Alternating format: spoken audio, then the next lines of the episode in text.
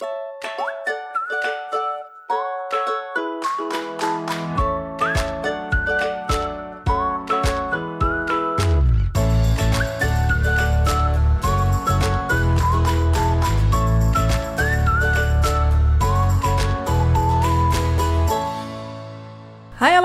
welkom bij een nieuwe aflevering van de Wat ik wou dat ik wist podcast. De podcast waarin ik deel wat ik wel eerder had willen weten en verhalen vertel waar jij je hopelijk in herkent. De aflevering van deze week ehm, gaat over stress en hoe je wat meer rust en ontspanning in je dag, in je week, in je maand kan creëren. Het is eigenlijk een podcast die een beetje gericht is aan mezelf, want ik zit nogal in een drukke periode en ik voel de stress. En ik ehm, kan mezelf dan in dat soort periodes nog wel eens vergeten. De dingen waar ik blij van word, de dingen waar ik rustig van word. Op een of andere manier verdwijnt dat dan allemaal naar de achtergrond. Dan ben je alleen maar aan het rennen van hier naar daar. En met allerlei verschillende taken bezig. Zowel in je hoofd, mentaal als letterlijk met je handen. Ehm, en dat geeft soms uh, gewoon eventjes te weinig denkruimte voor dit soort dingen. Dus eigenlijk op het moment dat ik deze, ja, dit podcastonderwerp aan het brainstormen was kwam dat besef en zat ik zo te denken van oké, wat kan ik dan in ieder geval wel doen om wat meer rust en wat meer ontspanning voor mezelf te creëren. En daar zijn wat tips uitgekomen en die ga ik dus verderop uh, in de aflevering met jullie delen. Dus wie weet als jij op het moment in dezelfde situatie zit als ik, dat je er uh, iets aan hebt en zo niet wellicht voor de toekomst. Um, zoals altijd begin ik even met een terugblik op mijn week. Wat heb ik allemaal gedaan? Um, ik heb uh, afgelopen donderdag een officeborrel gehad. Uh, ik deel een kantoor samen met wat andere vrouwelijke freelancers. Dat is super gezellig. Ik zit er eigenlijk uh, minder dan dat ik er echt zou willen zitten. Soms komt het er gewoon niet van. Maar het gebeurt ook nog wel eens dat er wisseling van de wacht is op kantoor. Dus dat er weer nieuwe meiden bijkomen. En daarom was het idee ontstaan om een borrel te organiseren. Om elkaar allemaal wat beter te leren kennen. Nou, dat was super gezellig. Wijn op tafel, snacks. En um, er zijn gelijk al allemaal nieuwe plannen gemaakt. We gaan een kerstborrel doen in fancy outfits. Nieuwjaarsborrel. Uh, willen nog een keer gaan stappen met z'n allen. Genoeg leuke plannen. En um, ja, toch ook wel heel blij dat ik bij dat kantoor ben gegaan. En ook wel weer een mooie motivatie voor mij om daar vaker naartoe te gaan. Want het is eigenlijk heel erg leuk hoe je ook al doet iedereen wat anders, je wel heel erg veel van elkaar kan leren en kennis uit kan delen. En gewoon ook wat meer het idee hebt van je staat er niet alleen in. Want er zijn wel steeds meer vrouwelijke freelancers. Maar alsnog, um, als je met eigen vriendinnen praat, dan zijn die voornamelijk in dienst. En dealen ze niet allemaal met dezelfde issues. Dus soms is het wel heel erg fijn om, uh, om daar gewoon mee te sparren. Dus dat was heel gezellig. Uh, vrijdagavond ben ik naar een cabaretier geweest in uh, een theater in, in Zaandam, het Zaantheater, voor de mensen die dat kennen. Ik zal verderop nog eventjes wat meer vertellen over die show. Maar het was in ieder geval heel erg leuk. En daarna zijn we gaan borrelen bij een, een collega van mijn vriend. Mijn vriend was, ik was met mijn vriend naar die theatershow. En we zijn al vaker bij die collega thuis geweest. Dat is een heel leuk stel. En zij hebben een, een puppy, een golden retriever puppy. Of in ieder geval, die hadden ze, want die is inmiddels dus al best wel groot. Een paar maanden geleden zijn we daar gaan kijken toen ze hem net hadden. Want wij willen in de toekomst ook heel graag een Golden Retriever puppy. En um, ja, om een beetje de verhalen te horen hoe dat ging. En het is natuurlijk ook super schattig. En nog steeds is het nog wel een puppy, maar dan een grotere versie ervan. En ontzettend speels en totaal niet mensenschuw. Kwam gelijk op ons afrennen. Dan denk je altijd van, herinnert hij ons nou of niet? Maar uh, dat, uh, hij is sowieso heel erg... Ja, met, ik heb het idee dat elke golden retriever dat wel is. Dat ze gewoon heel erg leuk vinden om bij mensen te spelen. Dus dat ging maar door. Uh, maar dat was heel erg gezellig. En zaterdag zijn we naar een tante van mijn vriend geweest. Die heeft een boerderij in Gelderland gekocht. Um, en dat is een aardige switch, want ze woont nu nog aan het, het Leidseplein in Amsterdam. Een hele drukke buurt. Ze was er ook wel echt aan toe, al langere tijd. En ze gaat hem helemaal verbouwen. Dus ze had ons helemaal meegenomen in de plannen die ze heeft. Het is nu echt nog heel oldschool. Het is echt zoals het in de jaren 70 ooit is ingericht. En ze gaat heel de binnenkant eruit slopen en iets enorm vet van maken. Ook echt met de inrichtingsstijl die wij ook hebben. Dus dat was heel tof om te zien. Het gaat waarschijnlijk nog wel een tijdje duren voordat het af is. Maar als dat eenmaal zover is, dan gaat het ook echt fantastisch worden. En ze noemde ook ehm, dat, eh, dat ze ook nog wel eens op vakantie zou gaan. Dat ze het dan wel fijn vindt als er iemand op het huis komt passen. En toen keek ze al naar ons. En dat, maar daar werden wij natuurlijk al heel erg blij van. Want hoe tof is het om zo'n logeeradresje te hebben? Dat is ongeveer de vetste Airbnb die je ooit kan boeken. Dus daar kijk ik ook wel heel erg naar uit. Maar ook voor haar dat ze gewoon zo'n lekker plekje daar heeft. Uh, zaterdagavond had ik een cocktail- en spelletjesavond met vriendinnen. Wij zijn allemaal gek op espresso martinis. Alleen ze zijn echt ontzettend duur. En zeker in Amsterdam. Dus um, het is soms ook wel eens lekker voor de kosten om dan gewoon thuis te gaan borrelen. Dus ik dacht, nou, waarom maken we dan niet thuis espresso martinis? Dus dat was echt een uh, enorm succes. Heel goed gelukt. Ook daar kom ik straks nog eventjes op terug. En we hebben wat verschillende uh, spelletjes gedaan. Van betoverd doolhof tot uh, het spel met de hoed. Ja, dus ik noem het spel met de hoed, maar heel veel mensen hebben weer andere namen ervoor. In ieder geval dat spel waarbij je drie namen op, uh, of, ja, eventueel fictieve figuren op briefjes schrijft. En die doe je allemaal in een schaal. Uh, of in een hoge hoed dus.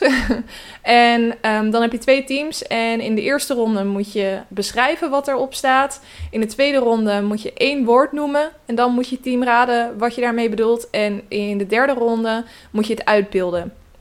Dus of het was andersom. Volgens mij het was de tweede ronde uitbeelden en de derde ronde was met één woord. En wij hadden zelfs nog een ronde aan toegevoegd dat je alleen maar één geluid mocht maken. Wat ook heel grappig was, maar eigenlijk iets te moeilijk. Dus dat was heel erg gezellig. Zij zijn uiteindelijk nog uitgegaan, maar ik, het was toen al drie uur s'nachts. Toen dacht ik, ja, als we dit drie uur eerder waren gaan doen, dan had ik meegegaan. Maar nu ga ik echt mijn bed in. Het is ook te aanlokkelijk als het bij jou thuis is, dat je dan... Je voelt je bed gewoon naar je roepen. dus toen ben ik lekker naar bed gegaan. Um, en zondag heb ik een hele leuke dag gehad met mijn neefje en nichtje. Want uh, sinds kort, of eigenlijk sinds vorig jaar, geven wij hun elk jaar een dagje Amsterdam voor hun verjaardag. En we hebben uh, deze keer ook weer iets heel leuks gedaan. Maar ook daar kom ik straks nog even op terug. Allemaal teasers naar een volgend blokje. um, dat was het voor de terugblik op mijn week. Dan gaan we door naar het lekker loeren blokje. Waarin ik kijk wat de celebrities en BN'ers allemaal uitgespookt hebben afgelopen week. Ik wil even beginnen met uh, Formule 1. Sinds um, een jaar of zo vind ik dat best wel leuk om te kijken. Niet dat ik nou elke wedstrijd volledig kijk, maar vaak wel eventjes de start. En mijn vriend kijkt hem dan wel helemaal, dus dan kan ik gewoon een beetje meeluisteren en van hem horen wat er gebeurt. Ik weet wel ongeveer welke teams uh, de, de strijd altijd met elkaar aangaan en wie in welk team zit en zo. Um, en afgelopen weekend was natuurlijk een hele spannende eigenlijk wedstrijd, had het moeten zijn. Namelijk een wedstrijd waarin uh, Max Verstappen wereldkampioen kon worden. En het jammere was dat die wedstrijd om 7 uur ochtends was. Nou ja, zoals ik net zei, waren wij tot drie uur s'nachts spelletjes aan het doen. Dus dat hebben we niet gered. Maar we hebben het wel even teruggekeken. En um, in ieder geval, mijn vriend zat er terug te kijken. Um, en ik had eigenlijk op social media al gelezen dat Max wereldkampioen was. Dus toen hij klaar was met kijken, toen zei ik... Uh, ja, wereldkampioen hè? Toen zei hij, huh? Nee toch? Ja, hij heeft gewoon gewonnen, maar dat betekent nog niet dat hij wereldkampioen is. En toen kwam hij dus achter dat er nog uh, daarna beslissingen waren gemaakt... die er dus hebben, toe hebben geleid dat Max daadwerkelijk wereldkampioen was. Ik zag ook een video van um, Max Verstappen waarin hij er zelf achter kwam. En dat ging ook heel raar. Dat was ook zo van, uh, ja, wereldkampioen. Nee, ja, nee, nog niet. Uh, jawel, je bent wereldkampioen. Huh? Echt? Weet je het zeker? Ja, ja, weet het zeker. Oh, oké. En uiteindelijk heeft hij natuurlijk wel de kroning gehad en een groot feest en weet ik veel allemaal. Maar het is natuurlijk een veel minder leuke manier om wereldkampioen te worden dan hoe het vorig jaar ging. Dat was echt zo veel spannender. En ook zoveel leuker. En heel Nederland was er toen mee bezig. Ik heb echt het idee dat heel weinig mensen die ik ken tenminste afgelopen zondag om 7 uur hebben zitten kijken. En hetzelfde gevoel hebben gehad als vorige keer dat Max wereldkampioen werd. En daarnaast is het ook wel jammer dat het zo vroeg in het seizoen al is gebeurd. Want vorige keer was het natuurlijk echt de laatste wedstrijd. En nu uh, moet je gewoon nog best wel veel wedstrijden. En weet je dus al dat hij wereldkampioen is. Eigenlijk is het, um, ja, dat is, dat is stom. Je wil altijd dat de Nederlander wereldkampioen wordt. Maar als hij het eenmaal is uh, en de beste is en blijft, dan wordt het ook wel een stuk minder spannend, moet ik zeggen. Een stuk minder, ja, voel ik die aantrekkingskracht om het elke keer te gaan kijken. Maar er is misschien hoop op een nieuwe verhaallijn. Want Nick de Vries, ook een Nederlander, krijgt een vaste plek in 2023 bij Alfa Tauri. Dus wie weet. Het zou helemaal leuk zijn als Max en Nick op een gegeven moment in hetzelfde team zitten. En dan gaan we natuurlijk helemaal los met de oranje gekte. En, eh, maar misschien ook wel juist tof als dat ze tegen elkaar moeten. Ik ben benieuwd wat dat, eh, wat dat gaat opleveren. Hij is natuurlijk nog wel heel jong en hij zit nog niet zo lang bij Formule 1. Dus het zou heel knap zijn als hij gelijk tegen Max Verstappen op kan boksen. Maar ik hoorde wel dat hij ongeveer hetzelfde pad heeft bewandeld als Max Verstappen. Dat hij dezelfde stappen in zijn carrière heeft genomen en dingen heeft gewonnen. Ehm, dus eh, wie weet is dat wel een hele mooie voorspelling voor de toekomst. We weten het niet. Dan iets anders. Um, Expeditie Robinson. Ik kijk dat weer dit jaar. Ik vind het superleuk. En uh, er zijn verschillende deelnemers die iedereen boeit natuurlijk. En uh, twee van die deelnemers zijn Roos Bertram en Thijs Boermans. Daar wordt nu namelijk veel over gesproken. Want op een Juice-kanaal heeft namelijk bekendgemaakt... of in ieder geval de rol de wereld ingebracht... het is niet bevestigd, nog... dat Roos en Thijs bij Expeditie Robinson op het eiland... Uh, een uh, gezellig onderonsje hadden... En dat er is wel iets gebeurd, wordt gezegd. In zoverre dat de productie van het programma heeft gezegd van joh, um, wij gaan dit filmen en wij gaan hier een verhaallijn van maken en in het programma brengen. Um, dat, dat is een optie. Of jij stapt, en daar was Roos het dus blijkbaar absoluut niet mee eens. Want zij is, ja, op dat moment was volgens mij nog niet eens naar buiten gekomen dat het uit was, uh, of dat ze ging scheiden van haar man. Of niet, dat ze van hem gescheiden was. Um, maar dat, zij wilde het dus niet in het programma hebben. En toen zei het programma van ja, de enige andere optie is dat je zelf uit het programma stapt. En toen heeft ze dat gedaan. Dit is wat het Juice-kanaal zegt, die deze rol de wereld in heeft geholpen. Nu was er ook een soort persdag. Ik zat daar net een video van te kijken waarbij ze deze rollen dus hebben neergelegd bij de deelnemers. Van joh, hoe zit het daarmee? Wat weet jij? Is ze echt weggestuurd? Um, maar überhaupt al op de vraag: uh, was er iets gaande tussen Thijs en Roos op het eiland? De mensen aan wie je dat vragen, die beginnen alleen maar heel smiechterig te glimlachen en zeggen: Ja, ik weet niet, het zou kunnen dat iets gebeurd is. Ik heb het niet gezien. Maar overduidelijk zijn ze allemaal aan het liegen. Het is ook echt zo'n vraag die gesteld is aan mensen die absoluut niet kunnen liegen. Bijvoorbeeld zo'n Niels Gasten. Nou, die smurk van hem, die zegt eigenlijk al alles. Um, en het is ook aan Thijs zelf gevraagd in die video. En hij zegt: Ja, ik wil er gewoon uh, niks. Ik, ik ga er niks over zeggen. Um, je moet daarvoor het programma zelf maar kijken. Dus met die opmerking lijkt het wel alsof het dus wel in de opnames is verwerkt. Ik denk dat het er niet in zit, maar dat het gewoon een easy way out is om er niks over te zeggen. Want um, ja, het zou dan kunnen vallen met die opmerking onder een geheimsverklaring. Geheims, ja, dat je nog niks mag zeggen over wat er verder in het programma gebeurt. Ik denk dat je er niks van in het programma gaat zien. Ik heb nog nooit eerder een liefdesverhaallijn in zo'n programma gezien. Nu ik over nadenk, lijkt het me eigenlijk best wel leuk. Dus ik hoop het wel. Ik vind het ook echt een stel wat prachtige kindjes zou krijgen. Nou heeft die Roos al twee prachtige kindjes. Maar even, die Thijs, hoe knap is hij? Toen ik hem voorgesteld zag worden in Expeditie Robinson in de eerste aflevering, toen dacht ik, oh ja, ik heb jou wel eens ergens gezien en jij bent zo knap. Van die lichte ogen met die donkere krullen. Ja, ik vind dat echt fantastisch. Dus ik snap het wel als Roos daarvoor is gegaan. Roos is zelf ook rete knap. Um, ik ben benieuwd of hier nog een staartje aan komt. Er moet nog meer hierover naar buiten komen. In ieder geval, als Expeditie Robinson is afgelopen, dan moet hier nog meer op doorgevraagd worden. Want er is iets geweest. Er is sowieso iets geweest. Um, ik wil het ook even hebben over die nep-video van André. Er is een video uh, vorig weekend, of misschien was het um, vorige week al ergens, online gekomen. Waarbij je André Hazes met zijn nieuwe vriendin, want ja, hij heeft alweer een nieuwe vriendin, uh, in het vliegtuig ziet zitten. Maar ze zitten echt op een soort eerste rij, zo waar je heel veel ruimte hebt. Um, en ze worden gefilmd door iemand die echt overduidelijk met zijn camera naar hun toe komt lopen. Zij doen André en zijn nieuwe vriendin alsof ze het totaal niet doorhebben. Maar eerlijk, iedereen zou het zien als zo iemand me zo in your face met zijn camera komt. En zij zitten gewoon op André's mobiel te kijken van... Oh ja, moet je zien, ja... Alsof ze niks doorhebben. Het is zo'n fake video. Ik geloof er echt helemaal niks van. En deze is dus verspreid naar de Juice-kanalen. En die hebben het opgepikt en zo van... Oh my god, big news. Dit is de nieuwe vriendin van André Hazes. Bla, bla, bla, bla.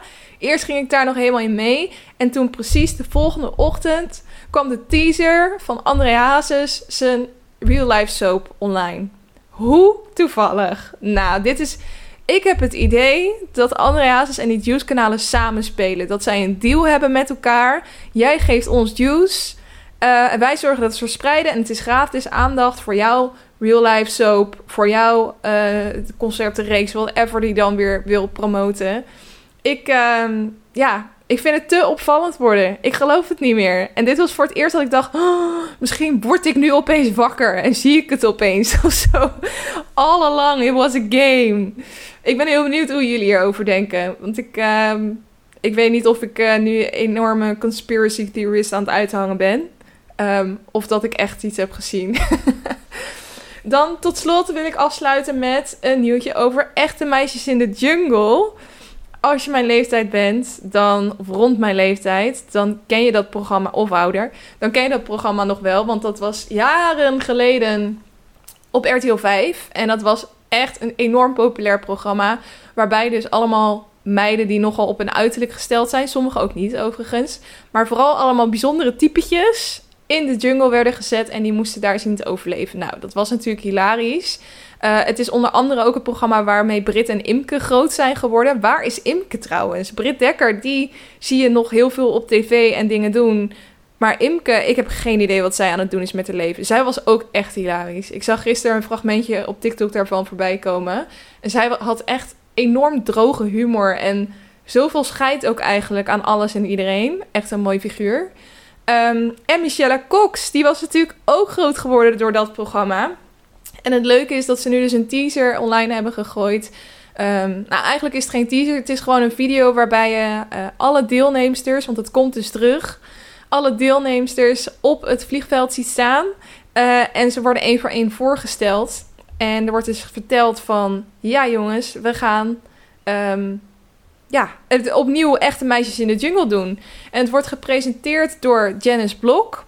En uh, er doen allerlei verschillende mensen aan mee. Fabiola Volkers, Gabi Blazer. Maar ook van die Temptation Island typen zoals Annabel en Shanna. En um, ja, gewoon echt de perfecte type. Ik vind de casting echt goed gedaan. Het zijn echt van die types waarvan je denkt... jij wil niet wakker worden in de jungle. Dat ga jij verschrikkelijk vinden. En jij bent ook zo iemand die dan gaat, lekker gaat fitten op andere mensen, weet je wel. Dus dat gaat ook weer ruzies opleveren. Ik denk dat het onwijs juicy wordt. En het mooie was, in die video komt op het laatste moment Michelle Cox aanrennen en ze zegt: Ik ga ook mee. en dat is natuurlijk wel leuk, omdat zij uh, toch wel groot onderdeel was van die eerste versie van dit programma. Het komt op Videoland. Er is nog geen datum bekend waarop dit uh, daadwerkelijk op Videoland te zien gaat zijn. Normaal, als er iets aangekondigd wordt, is er al een datum. Maar ik denk dat ze te tricky vonden dat dit al zou uitgaan lekken op Juice-kanalen. Dat ze gespot zouden worden op Schiphol. En um, dat dus zij het niet zelf bekend konden maken. Dus ik vond het eigenlijk wel slim dat ze het al met zo'n Schiphol-video bekend hadden gemaakt. Ondanks dat er dus nog geen nieuwe datum is. Dus dat was het voor het Lekker Loeren blokje. En dan gaan we door naar het Lekker Leven blokje, waarin ik allerlei tips geef om jouw leven leuker en lekkerder te maken. Ik wil beginnen met een doetip. En um, dat gaat over het dagje in Amsterdam wat ik had met mijn neefje en nichtje en mijn vriend gisteren. Uh, of niet gisteren, afgelopen zondag. Um, we gingen namelijk iets doen wat ook al heel erg lang op mijn bucketlist stond. Dat is heel geniepig van mij, dat ik vaak cadeaus geef aan mensen voor dingen die ik zelf ook gewoon heel graag wil doen. Maar ook heel slim. Um, en dat is schommelen op de Adamtoren. Je hebt dus de, ja, hoe zullen ze het noemen? Adem, ja, Adamtoren, de Amsterdam Tower noemen ze het misschien in het Engels. Dat is een toren die um, nog niet super lang bestaat, maar die staat aan de overkant van het ei. Uh, in, dat is net in Noord, dus je pakt een pontje om daar naartoe te komen. Dat duurt echt maar vijf minuten. En um, helemaal daarbovenop hebben ze dus een, een, een dek waar je heel mooi uitzicht hebt, hebt over heel de stad. En dat heet dan Amsterdam Lookout. En daar kan je dus ook schommelen. Er staan van die grote rode schommels. Je ziet het ook echt als je na, van veraf naar dat gebouw kijkt. Dan zie je dat helemaal bovenop mensen aan het schommelen zijn. En die schommel die is geïnstalleerd op het randje van het gebouw. Dus als je eenmaal in die schommel zit en je gaat schommelen, dan ga je dus ook over de rand heen schommelen. Dus nou ja, je moet echt geen hoogtevrees daarvoor hebben. En ik wist dus ook niet zeker of mijn nichtje en neefje het wel aan zouden durven. Je hebt een hele experience bovenop dat dek. Je kan echt verschillende pakketten kiezen. Dus ik had in ieder geval al een VR-game uh, erbij geboekt die je daarboven kan doen. Of VR-experience is het eerder.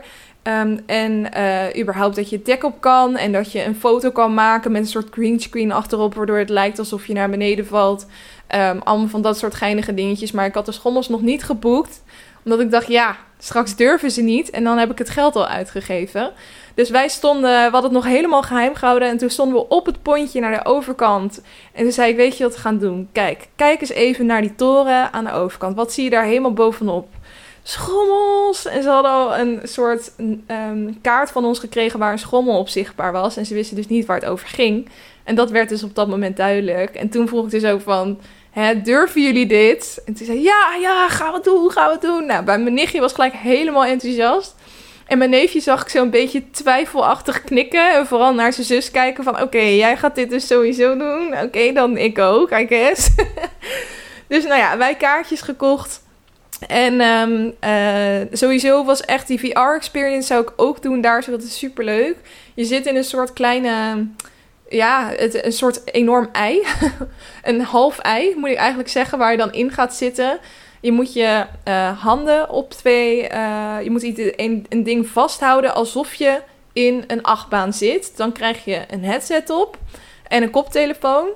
En wat je dan ziet is dat je op een achtbaan zit, bovenop een achtbaan, uh, in Amsterdam, dus in centrum Amsterdam. En als die helemaal start, dan gaat die rails dus eigenlijk door heel het centrum van Amsterdam. En je gaat over de kop, over het Beursplein. Dan kom je op de Dam, daar maak je cirkel. Dan komt er opeens draken. En dan vlieg je door dat vuur van die draken heen. En dan ga je zo een gracht in.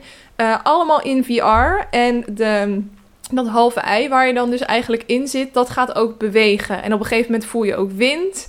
Dus het is best wel echt gemaakt. Helaas was het zo dat mijn koptelefoon kapot was. Dus ik had niet echt de full experience. Maar Um, alsnog zeiden ze van uh, dat het ook, nou, ook zonder geluid was het echt al heel indrukwekkend. En de rest vond het ook echt mega tof. Dus als je gaat, zou ik dat ook zeker erbij boeken. Uh, volgens mij was dat maar 6 euro per persoon. En um, bovenop het dek heb je dus ja, gewoon heel mooi uitzicht. En je kan daar ook heel lekker eten. Sowieso, die toren is echt insane. Ik ben er al een paar keer geweest. Je hebt daar zo verschillende restaurants. Je hebt een club. Je hebt dus ook een hele um, ja, soort VR-hal waar je van dat soort spellen kan doen. Uh, maar ze hebben ook een restaurant wat ronddraait terwijl je aan het eten bent. Dus dan zie je langzamerhand heel Amsterdam eigenlijk. En zeker ook in de avond met lampjes is dat denk ik super mooi. En de liften die ze erin hebben zijn ook wel heel grappig. Want um, de lift waar wij, wij mee gingen, dat was dan een lift met een soort lichtshow. Dus er wordt dan ook gezegd, kijk omhoog, want dan zie je een lichtshow. Dat was ook cool, want het dak is dus van glas. Uh, maar je hebt ook andere liften en dat is dan een disco lift of je hebt een karaoke lift en dat ligt dus maar net welke lift je hebt op dat moment. Um, maar ja, echt een enorme aanrader om dus überhaupt een keer iets te gaan doen in die toren. Maar ook die lookout. Ja, het is wel super toeristisch natuurlijk. Je staat alleen maar tussen de toeristen. Maar voor zo'n typisch dagje Amsterdam is dat wel gewoon heel erg leuk. En ook wel gewoon once in a lifetime experience om uh, daar zo te gaan schommelen. Het is ook de hoogste schommel van Europa uiteindelijk, um, mijn neefje die heeft echt aan elke medewerker gevraagd... Heb jij het ook gedaan? Vond je het eng? Maar zit je wel goed vast? Weet je dat dan zeker? en uiteindelijk stonden we dus ook bij de dame die ons dan begeleidde naar de uh, schommel. En tegen haar zei het ook. En toen zei ze ook van... Maak je geen zorgen als je het echt heel eng vindt. Dan zet ik hem stop. En uh, je gaat het vast hartstikke leuk vinden.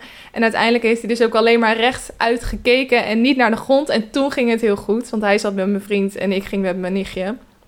Dus um, nou ja, ze hadden het er al helemaal over hoe ze het op school gingen vertellen. En dat ze het zo cool vonden. Dus we hebben volgens mij wel weer aardig punten gescoord bij ons neefje en nichtje. Dus, uh, en zelf ook gewoon een mega leuke dag gehad natuurlijk. Dus, doetip. Schommelen op de Adamtoren bij Adam Lookout heet het dan. Een andere doetip is om naar de theatershow te gaan van Patrick Laurij. Daar was ik dus afgelopen vrijdag in het Zaantheater.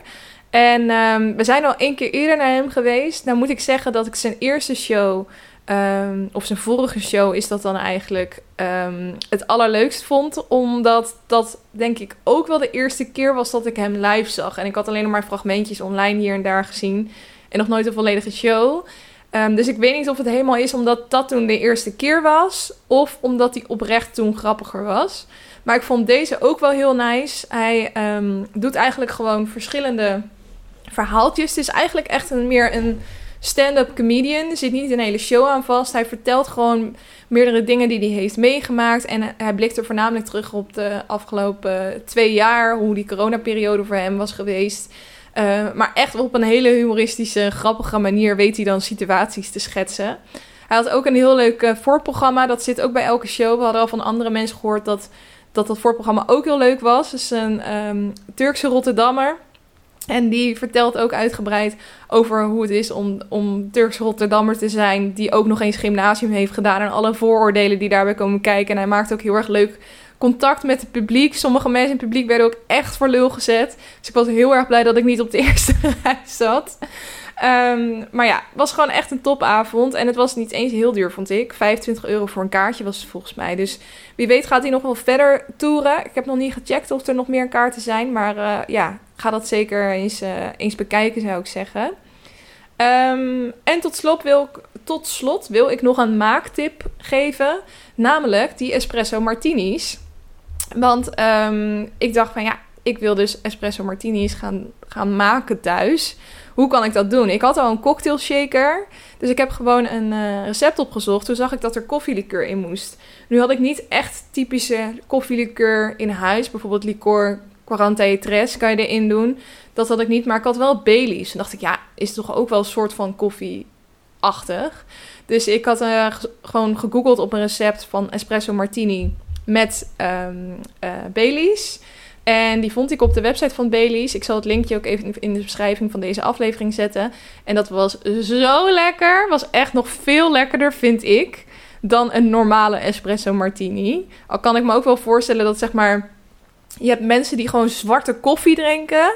En je hebt mensen die voornamelijk van Starbucks lattes met lekker veel suiker erin houden. Dat is een beetje het verschil, denk ik, tussen normale espresso martini en de Bailey's espresso martini.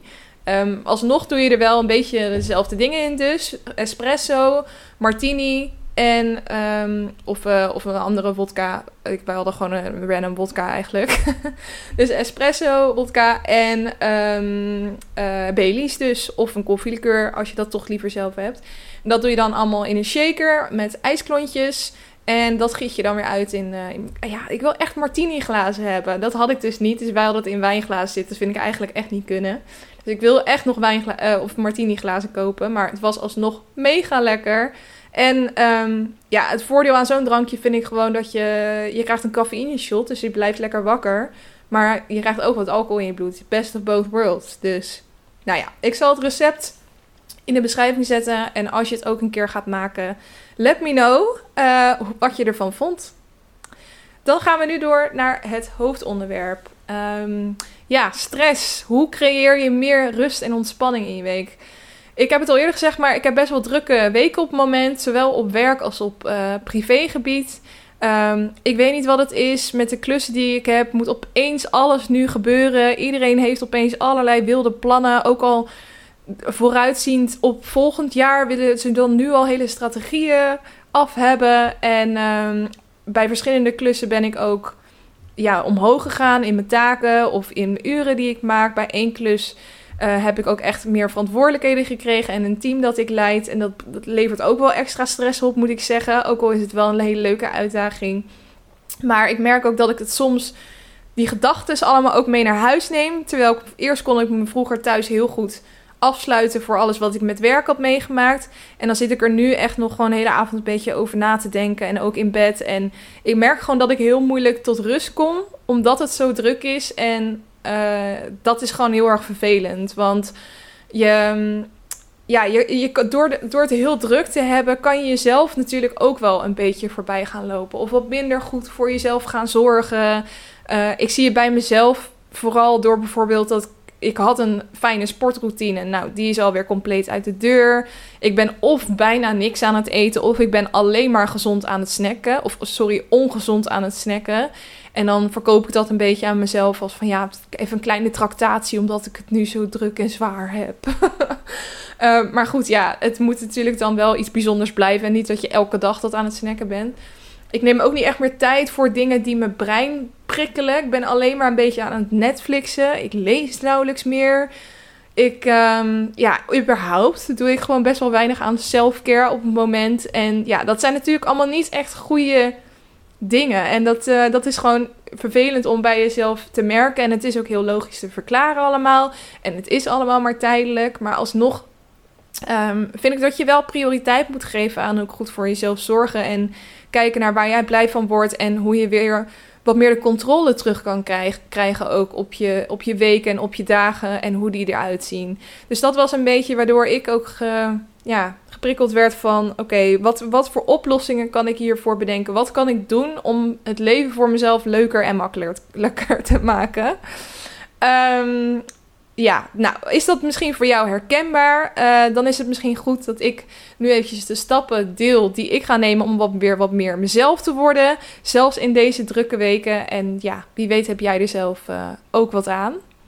Um, het eerste wat ik ga doen is uh, privé-tijd inplannen. En dat voelt heel stom, want je zou privé-tijd niet moeten inplannen.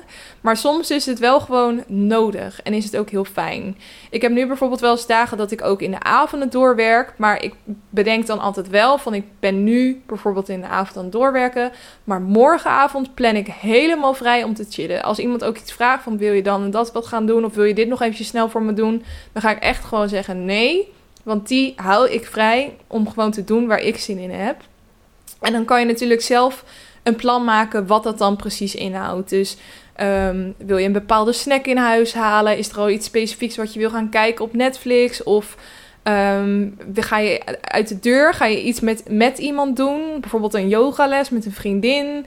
Um, maar als het maar iets is waar je naar uit kan kijken en waarvan je ook weet dat het iets gaat zijn waar je van oplaat. Je hebt natuurlijk introverte en extraverte mensen. Introvert persoon die wil misschien heel graag op zo'n moment uh, vooral alleen thuis zijn en iets voor zichzelf doen. En een extravert persoon die vindt het juist heel erg leuk om op zo'n moment iets te gaan plannen om buiten de deur met iemand te gaan doen. Zoals een leuk yogalesje ergens. Dus je moet eerst even bij jezelf nagaan van oké, wat is nou echt iets waar ik van oplaat, waar ik blij zou van worden, wat echt een, een soort lichtpuntje in mijn week zou zijn. En dat moet je gewoon gaan inplannen. Soms is dat uh, het simpelste, het is super simpel en voor de hand liggend. Maar um, het is iets wat je snel vergeet en waardoor je, ja, als je dat niet doet, je toch wel heel snel jezelf voorbij loopt. En um, ja, op het moment dat je niet privé momentjes hebt in je week, dan ga je dat ook automatisch merken aan de stress die je in je lijf hebt. Dus je moet echt daar zo wat prioriteit aan geven. Uh, en ik vind het ook altijd gewoon een fijn idee dat je ergens naar uit kan kijken. Iets wat je nou ja, bijna beet kan pakken van ik ben er bijna nog eventjes doorwerken. Dan uh, nummer twee. Kan je ook nog tijd vrijmaken? Dat is heel erg belangrijk om aan jezelf te vragen. Zijn er bepaalde dingen die je uh, op kan schuiven of slimmer kan doen?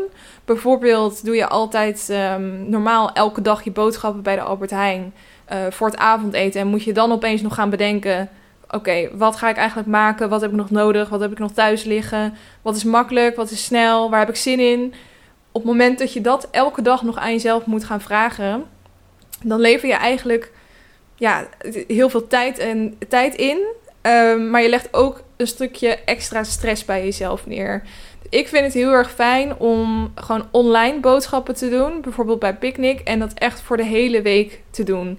Het kost je misschien uh, op korte termijn eventjes wat meer tijd. Want je moet even een uurtje vrijmaken.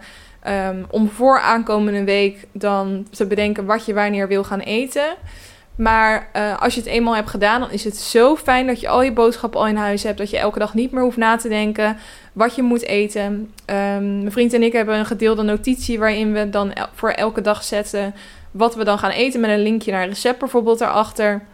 En we kijken ten eerste altijd van: oké, wat hebben we aankomende week allemaal staan? Maandag zijn we thuis, dinsdag thuis, woensdag is de een niet thuis en de ander wel.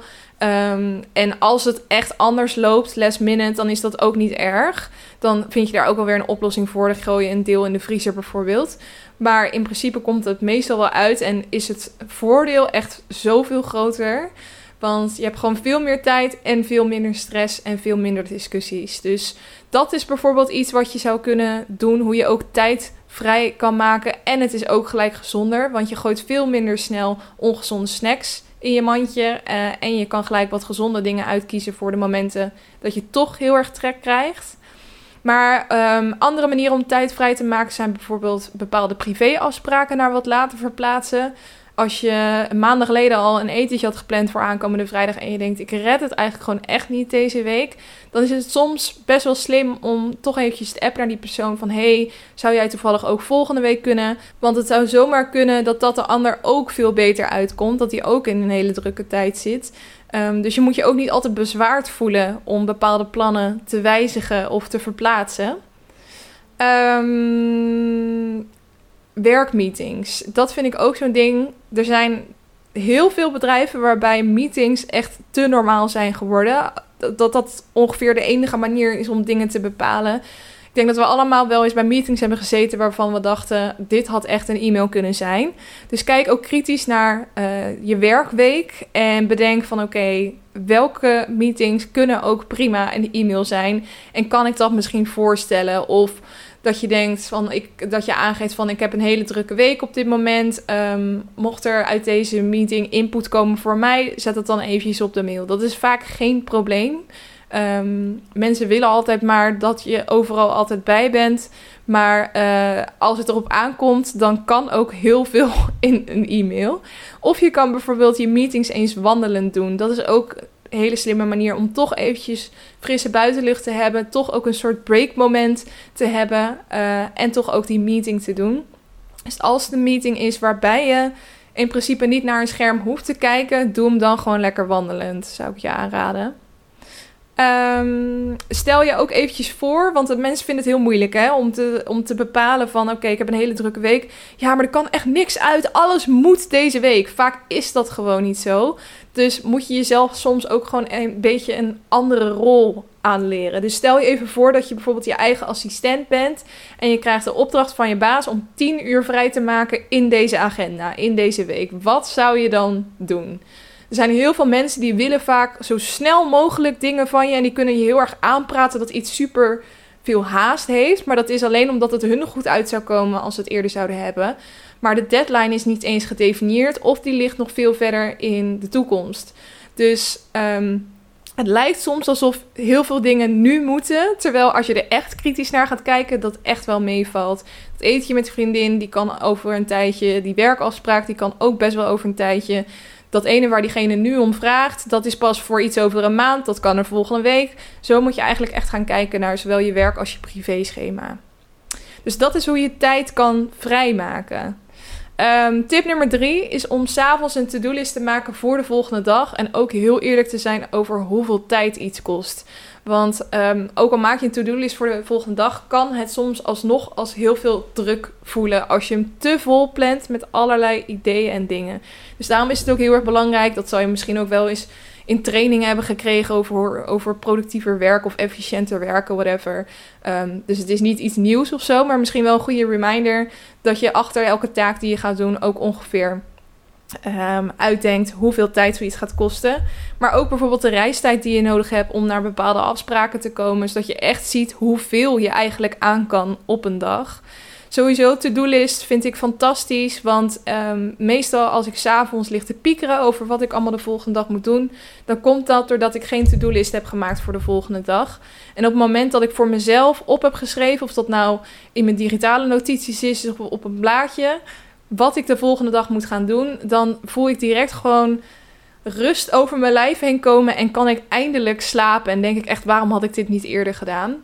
En het fijne is ook dat als je de volgende dag opstaat, dat je gewoon direct een duidelijk plan hebt voor de hele dag. Dat je daar niet meer over na hoeft te denken. Dus op twee verschillende momenten ontneemt het je eigenlijk stress. Ik voel me ook heel vaak soort van overweldigd als ik gedurende de werkdag bezig ben.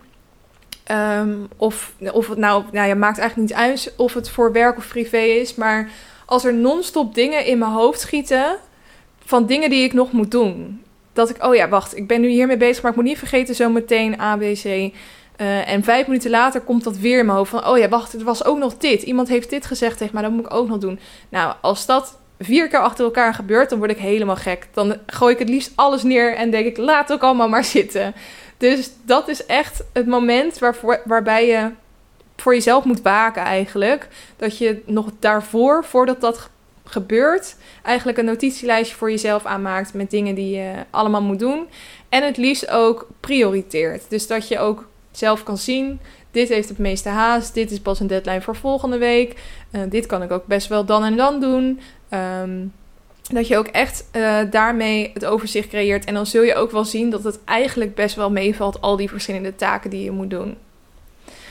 Oké, we gaan door naar tip nummer 4.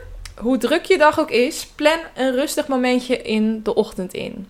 Dus in de ochtend, voordat je naar werk gaat of wat je ook gaat doen die dag, eventjes een chill momentje. En dat kan voor iedereen anders zijn. Voor mij is dat bijvoorbeeld dat ik ochtends um, me lekker aan tafel, aan een tafeltje mijn make-up ga doen. Dus ik doe het niet staan snel in de badkamer tussendoor terwijl ik allemaal andere dingen aan het doen ben. Nee, ik ga er echt eventjes voor zitten. Ik zet een bakje koffie en dan ga ik rustig mijn make-up doen. Soms ook nog eventjes met een podcast op de achtergrond. Soms heb ik daar ook helemaal geen zin in. Um, en dat is voor mij echt een fijn, rustig momentje. En sinds ik dat in mijn ochtendroutine heb, kan ik het ook echt niet meer uitslopen. Dus um, ook al kost het misschien ietsje meer tijd, niet eens heel veel overigens, dan zet ik maar iets eerder mijn wekker. Maar ik vind dat echt heel erg fijn moment en ik merk dat ik daardoor ook mijn dag beter start. Dus het kan dat zijn. Dat je make-up uh, rustig gaat doen. Het kan een klein rondje lopen buiten zijn. Het kan een korte meditatie zijn. Het kan uh, een journalboekje waar je even wat dingen, wat brainfart opschrijft. Uh, of affirmaties, wat sommige mensen ook doen. Um, wat je daarin opschrijft. Het is maar net waar jij zelf op dat uh, moment behoefte aan hebt. Gewoon even een momentje waarop je nog niks moet, maar vooral mag doen waar jij behoefte aan hebt. En op die manier start je de dag al veel meer met een voldaan en blij gevoel. Dat is echt zo. Um, de ochtendroutine is zoveel belangrijker dan heel veel mensen denken. Uh, en ik snap ook echt het voordeel van net voordat je weg moet je bed uitrollen. Alleen je loopt al achter. Je loopt al achter de feiten aan voor je gevoel. En niemand wil met zo'n gevoel zijn dag ingaan. Dus mocht het je lukken, doe het alsjeblieft. Dan tip nummer 5 is wees in het moment.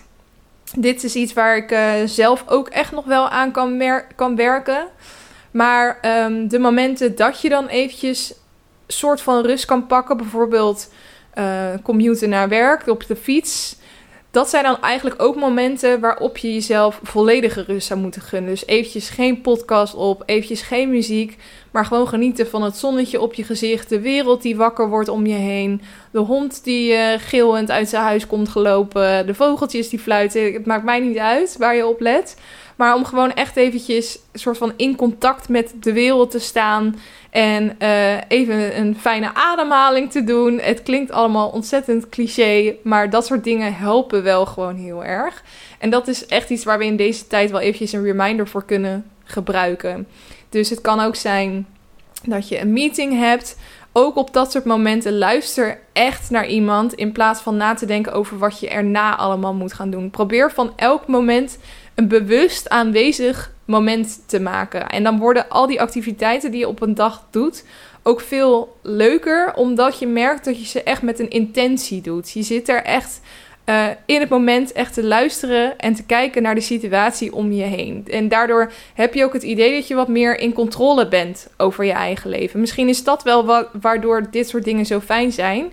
Dat je gewoon wat meer grip hebt op de wereld om je heen, op de dingen die je aan het doen bent. Want je bent er. Je bent er echt. Je zit niet met je hoofd met dingen die in het verleden zijn gebeurd of in de toekomst. Die dingen die je nog allemaal moet doen. Nee, je bent op dat moment daar. En um, dat is denk ik heel erg belangrijk om niet meer dat gehaaste gevoel te hebben. Want je zit daar met een reden en een plan. En um, daar, daar hou je jezelf ook aan, zeg maar.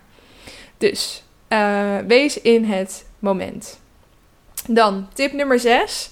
Plan wat self-care in in je week. uh, is natuurlijk een onderwerp waar ik het wel eerder over heb gehad in mijn podcast. En ook dat kan voor iedereen wat anders zijn. Uh, misschien is het een uitgebreide douchesessie met een maskertje. Um, je skincare doen. Misschien is het sporten. Misschien is het echt even de tijd nemen voor het maken van een lekkere en gezonde maaltijd. Wat het ook is voor jou plan die self-care in in je week. En um, zorg ook echt dat je daar zo de aandacht aan besteedt. Dat je niet ondertussen ook weer andere dingen aan het doen bent. Of dat je je tijd in laat korten door wat dan ook. Uh, zorg ervoor dat je dat echt, ook echt afbakent van dit is eventjes van mij. Dus nooit sluit je je op in de slaapkamer of in de badkamer. Dat ook eventjes niemand je kan storen. Dat het echt gewoon eventjes een momentje is uh, voor jezelf. En waar jij blij van wordt en waar jij van, uh, van oplaat. Um, tip nummer 7. Vervang je schermtijd voor iets dat je brein op een andere manier prikkelt. Ook dit is echt iets wat ik, wat ik zelf nog wel kan leren en waar ik een reminder voor kan gebruiken. Want ik word bijvoorbeeld heel erg blij van creatieve dingen. Kleien, ik krijg sinds kort elke dag een reclame van een merk dat kleipakketten thuis levert. En elke keer als ik het zie, dan is dat ook een soort reminder voor mezelf van... oh ja, ik vind dit soort dingen leuk, ik moet dit soort dingen vaker doen. Um, of het nou kleien is, schilderen, schrijven, puzzelen. Um, maar doe iets wat je, waarvan je weet dat het jouw brein op een andere manier prikkelt dan wanneer je uh, gewoon op de bank zou gaan Netflixen. Of wanneer je alleen maar uh, op je mobiel door TikTok aan het scrollen zou zijn. Ik vind ook dat daar overigens heel veel waarde in zit. Dat je daar heel veel rust en inspiratie uit kan halen. Maar uh, het is soms ook goed om gewoon eventjes met je handen bezig te zijn zonder scherm. Um, want dat geeft soms ook wel gewoon heel veel meer rust. En ook zeker als je in de avonden dingen doet, dan is het überhaupt natuurlijk, er zijn meerdere onderzoeken gebleken, beter voor je om eventjes geen scherm meer voor je neus te hebben. Omdat je lichaam dan ook merkt van oké, het wordt donkerder, um, we gaan tot rust komen, want we gaan zo meteen slapen. Dus dat soort dingen helpen ook heel erg. Dus je kan... Uh, Ga Netflixen. Als je daar echt behoefte aan hebt, dan is dat ook oké. Soms dan is dat het enige waar je lijf om vraagt. Gewoon lekker op de bank liggen en iets doms kijken. Prima. Maar blijf wel beseffen dat die creatieve dingen je op een hele andere manier weer nieuwe energie kunnen geven. Het is een soort fijne break in je dag, in je week. Um, en waardoor je ook op een bepaalde manier op kan laden. Die je soms wel eens vergeet. Dat dat ook dat effect heeft als je dat soort dingen doet. Dus um, probeer daar af en toe ook aan te denken wanneer je weer eens de afstandsbediening erbij pakt. Hmm, kan ik ook iets anders creatiefs gaan doen? Dan tot slot, het laatste wat ik nog eventjes wil zeggen besef dat deze dag of week of maand ook weer voorbij gaat. Ik vond dat zelf echt een enorm geruststellende gedachte bij dingen die ik heel spannend vond of stressvol, bijvoorbeeld examens of grote presentaties. Dan vond ik het een fijne gedachte om te weten dat wat er ook gebeurt, over twee uur ben ik hier vanaf. Want tijd ga je nooit tegenhouden. Dus wat er, wat er ook gaat gebeuren, ik weet nu al dat over twee uur dit voorbij is en dat ik deze stress niet meer heb. Je blijft niet altijd in deze gestreste staat van zijn. Want het leven gaat gewoon door en er komen weer nieuwe periodes aan van rust en weer stress. En het is gewoon een soort achtbaan waarin je zit. En je, het, het, soms dan kan het nog wel eens benauwend voelen als je langere tijd bepaalde stress voelt, omdat je het idee hebt dat, het niet, dat er geen eind aan gaat komen. Maar als je dan terugkijkt naar het verleden, dan weet je dat dit allemaal bepaalde periodes zijn waarin de druk eventjes heel hoog ligt en dan gaat hij ook weer omlaag. Dat vind ik een hele fijne gedachte. En voor mij is dat nu dus wetende van oké, dit is even een hele drukke periode. Maar over twee weken ga ik op vakantie en dan ben ik drie weken lang helemaal eruit. En dan kan ik gewoon ultiem chillen. En dat is dan waar ik me ook aan vasthoud. En waarvan ik Waardoor ik alles ook weer wat makkelijker kan relativeren. Dus um, dat zijn eigenlijk mijn tips. Ik wil nog wel even gezegd hebbende. Ik heb het over. In deze, in deze podcast geef ik eigenlijk tips voor mensen die uh, stress hebben. En dat, waarbij dat dan dus ook een tijdelijke vorm van stress is. Als je echt merkt dat je maandenlang stress ondervindt. Niet alleen door stressvolle situaties, maar gewoon in het algemeen.